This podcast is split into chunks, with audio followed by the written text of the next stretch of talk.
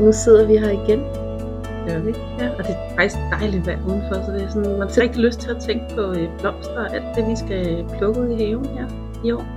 Og så sidder vi alligevel herinde. Øhm, det er måske i virkeligheden lidt vanvittigt. Vi sidder sådan blandt noget vasketøj for at gøre lyden lidt, øh, sådan lidt mere... Det er rent vasketøj. Ja, det, ja, det er rent vasketøj.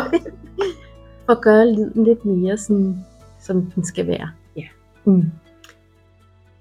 I dag, der skal vi jo snakke om øh, kosmos. Ja, også kaldet stolte kavalier, og øh, ældre generationer også ofte kaldet kosmia. Ja, Det er den blomst, vi skal snakke om i dag. Det er jo en super let dyrkelig og meget smuk sommerblomst. det er faktisk, vil jeg nok sige, min, hvor, hvor din det er yndlingsblomsten, øh, blomsten, der er det jo senia. Lige præcis. Og hvor jeg er nok lidt kosmos pige. Du er kosmospige. Ja, det er jeg nok. Ja. Øh, og jeg ved jo godt, det siger du næsten hvert år, når vi snakker kosmos, at den holder faktisk ikke særlig lang tid i buketter. Altså, jeg, grund, jeg elsker jo kosmos, jeg synes, de giver sådan en dejlig sommerstemning, og er vanvittigt smuk ud i haven, og det der er sådan helt filigranagtige, de tynde løv. Det ligner det. Kan bare noget. Øhm, men som vaseblomst synes jeg, den er lidt overvurderet, fordi at den holder ufattelig kort tid. Øhm, selv plukket på det rigtige stadie. Så derfor så, altså jeg nyder den rigtig meget i haven, men bruger den måske ikke så meget, som en skal haveblomst. Jeg bruger den ikke så meget i buketter. Men det er der jo andre, der gør. Jeg gør. Ja. Elsker den i buketter. Øhm, men hvad kan man sige? Vi- Hvis vi skal starte sådan helt basalt med kosmos. Altså, kosmos, den, øhm, jeg regner den for noget af det letteste at så inden for blomster. Og det er fordi frøet er relativt stort, så det er ikke sådan, det skal sås i en særlig dybde. Det går meget godt, uanset hvordan man lige får sået det. Øhm, og man får også ofte relativt mange frø. Der er nu kommet nogle ret specielle sorter, der er lidt dyre, så der får man ikke så mange frø. Men som regel har man rimelig mange frø at prøve med, så går det ikke så godt, så har man en chance mere. Hvad med forspiring? Er det noget, du gør? Øhm, jamen både og, fordi faktisk så normalt foretrækker jeg at så kosmos direkte på friland, øh, for det kan man sagtens sådan i gang i april, maj, måske endda helt her i juni, når jorden er lun, øh, så kan man bare så dem på friland. Men jeg har nogle meget aktive solsorte, som godt vil vende rundt i jorden hjemme i min have. Og nogle gange, når jeg så gerne vil være helt sikker på at få de her kosmos til ikke at blive væltet af en solsort, lige når de er spiret, så forspirer jeg dem. Men jeg forspirer dem bare i drivhuset der, sådan sent, måske i april, smider jeg på frø jorden, og jeg lader dem ikke, jeg potter dem ikke op og prikler op og alt muligt. Altså jeg forspirer dem, lige til de bliver store stor nok plante til at prikle, prikle ud, faktisk. Altså ikke plante ud. Altså det stadie, hvor jeg normalt ville prikle dem over i en anden potte, så putter jeg dem ud i jorden. Så det er bare for at få dem i gang, kan man sige. Men man kan sagtens starte dem inden og, og gøre alt, hvad man vil gøre normalt, når man forspirer en plante. Altså bare ikke gøre det alt for tidligt. De kan vokse på det.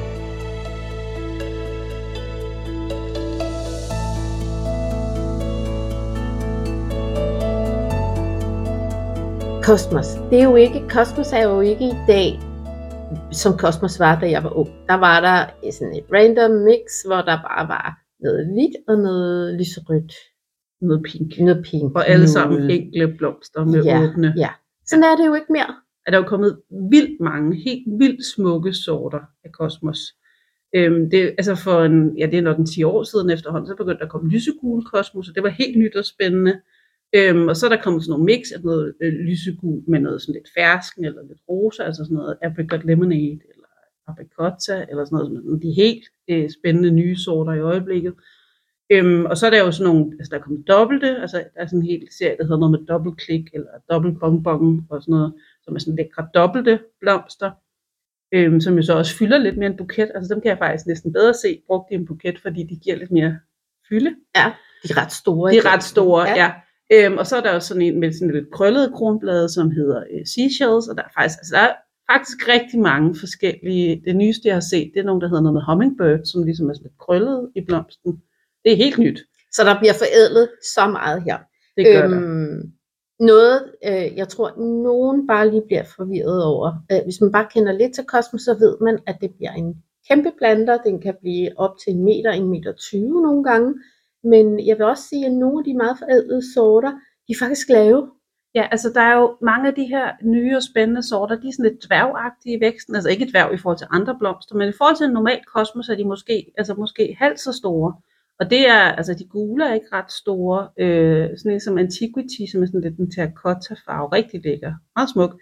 Den er heller ikke ret stor. Ja. Øh, så det skal man selvfølgelig lige være opmærksom på, afhængig af hvad man øh, vil bruge kosmosen til, og hvor man vil sætte den i bedet. Altså er det en høj eller en lav, man har fået fat i.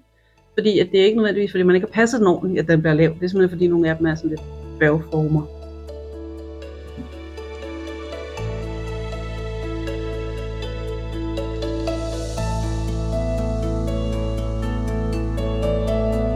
Nå, Liv, nu er vi jo rykket ind øh, i vores skattekammer. Ja, vi er inde på frølageret. Det er jo et af mine yndlingssteder, nærmest i hele verden. Det er jo en slikbutik for havefolk der. øhm, og vi står lidt og kigger på nogle af de lækre sorter, man kan få i Cosmos. Altså nu kan vi jo lige så godt sige det, at øh, der er ikke så meget tilbage. Lige nu, hvor vi står og snakker her, så er vi ved at have udsolgt af nogle af de rigtig lækre. Men altså, jeg står der lige i hånden med min yndlings, Ja, yeah. som hedder Apricot Lemonade, som er sådan en lysegul, sart rosa. Det er virkelig, virkelig smuk øh, kosmos. og den er jo sådan mellemhøjde. Den bliver ikke Ja, den er ikke så stor og bred som de andre, det er den ikke. Nej. Øhm, og vi har da også stadig sådan noget, som her står jeg og kigger på aprikotter, som er sådan rigtig lækker, sådan, øh, hvad skal vi kalde den, fersken, Mm. aprikosfarve. Ja. Øh, den er heller ikke den Fantastisk. høje side. Vi, vi har udsolgt nu, men en af de rigtig lækre i Cosmos er også cupcakes, synes jeg, eller cupcake blush. Vi har haft dem begge to, både Cupcake White og Blush, men Ja. øh, de hold da op. Og der er blomsten er ligesom, altså forestil dig sådan en papirmuffinform. Mm. Altså den er ligesom samlet, den er vokset sammen, kronbladene, øh, så det bliver sådan en lille yndig skål. Den er, Den er så meget, sød. meget sød. Meget, meget sød. Ja, og vi har også en helt del dobbelte. Vi har både noget lyserødt her, noget dobbeltklik bonbon. Den er jo bare populær. Ja. Dobbeltklik bonbon er bare... Og vi har også en af de her, øh, den her Fizzy Pink Dark Center. Den er sådan øh, pink lyserød med sådan lidt mørkere midte. Og så har den sådan lidt en, øh, den er lidt mere sprænsk i sin øh, øh, blomsterform. Jeg ved ikke, hvordan jeg lige skal beskrive det. Men øhm, Og så har vi Fizzy Purple.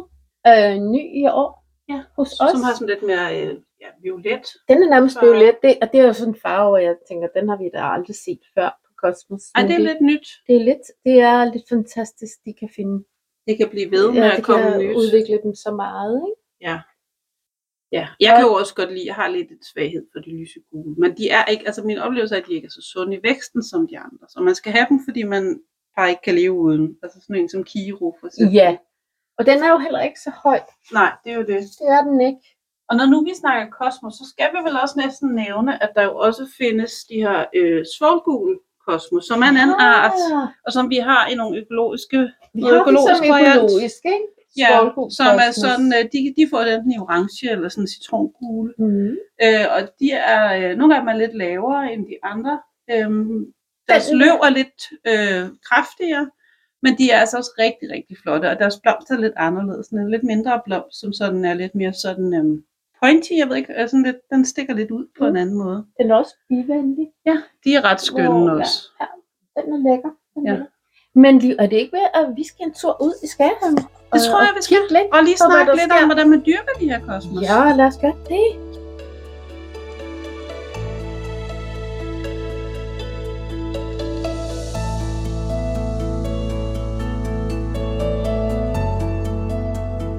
Nu er, vi jo, nu er vi jo simpelthen rykket ud i Skærhaven, og vi håber jo lidt, at du stadigvæk kan høre, at der ikke er for meget vind og alt muligt her. Øhm, men det er sgu da sådan rimeligt. Det er så skønt. Og Liv, øh, kom og se mine begynderfejl her. Vi, hvad, hvad er det for et bed, du egentlig har lavet i år? Fordi det er jo dig her i Skærehaven. Det er jo dig, der, der, der designer bedene. Jamen, altså, jeg har jo givet dig et bed, jeg kalder øh, Karse og Kosmos. Øh, fordi at du gerne vil have begge dele, og fordi at de begge to bliver sådan ra- høje, store blomstplanter, så jeg tænkte, de kunne øh, bo godt sammen. Og så også fordi Carsten takker lidt af, når kosmosen giver den los. Så jeg tænkte, der var plads til begge dele. Øhm, det er sådan, når man arbejder med højbede af kosmos, så skal man faktisk afsætte rigtig god plads, for kosmos bliver en stor, bred plante. Øhm, og, og jeg tror, det du hentyder til, når du spørger, hvad du har lavet fejl, det er, at du har for mange planter. Jeg kan se, at du har på sådan en række, der er 80 cm lang, der har du en 6-7 planter, måske. Og herover har jeg også virkelig lavet, altså du kan faktisk se alle de fejl, jeg har lavet her. Og du har sat flere planter ned sammen. Ja, det du heller ikke rigtigt. Det er faktisk noget møg, jeg har lavet. Ja, fordi i virkeligheden, altså hvis sådan en kosmos får lov at udfolde sig helt frit og med god plads, jamen så fylder den vel en halv til en hel kvadratmeter. En plante. Øhm, så, så derfor så er de lidt, altså jeg, jeg er faktisk sådan lidt, øh, jeg tøverne, tøver lidt med at bruge dem i mine højbede, fordi jeg synes faktisk, at øh, ja, der er nogen, der bygger i den anden ende af gården i dag. Ja. Det kan jeg nok høre i baggrund. Jeg tøver lidt med at bruge kosmos i højbeder. Det gør jeg, fordi jeg synes, de fylder lidt for meget i forhold til, at der bliver plads til andre øh, blomster også. Så derfor er det faktisk tit sådan, at jeg vælger at have min kosmos i de bed, jeg har af jord. Altså, som ikke er i højbede. Du skal virkelig vande her, ikke? Nå, men nej, det er jo sådan set mere... Øh, ja. Og så er der en anden ting med kosmos. Det er jo sådan, at kosmos, de faktisk, hvis de får det for godt, og nu ved jeg jo tilfældigvis, at du har brugt alt muligt lækker jordforbedring, og alt muligt godt i de her bede, for at give dine blomster den bedste start. Så jeg forestiller mig, at når det bliver sommer, og de begynder at blomstre, så vil vi se, at de kommer sent i blomst, og de sætter voldsomt mange blade. Fordi kosmos sætter flest blomster, hvis den er lige i underkanten af at have næring nok. Øh, og, og får man givet den rigtig, rigtig dejlig lækker jord og masser af gødning, så vil den sætte enormt mange blade, inden den begynder at blomstre. Så man kan risikere, at den blomstrer relativt sent og sætter enormt mange blade. Det er det, man også kalder, øh, at man bevarer den lidt i den vegetative vækst.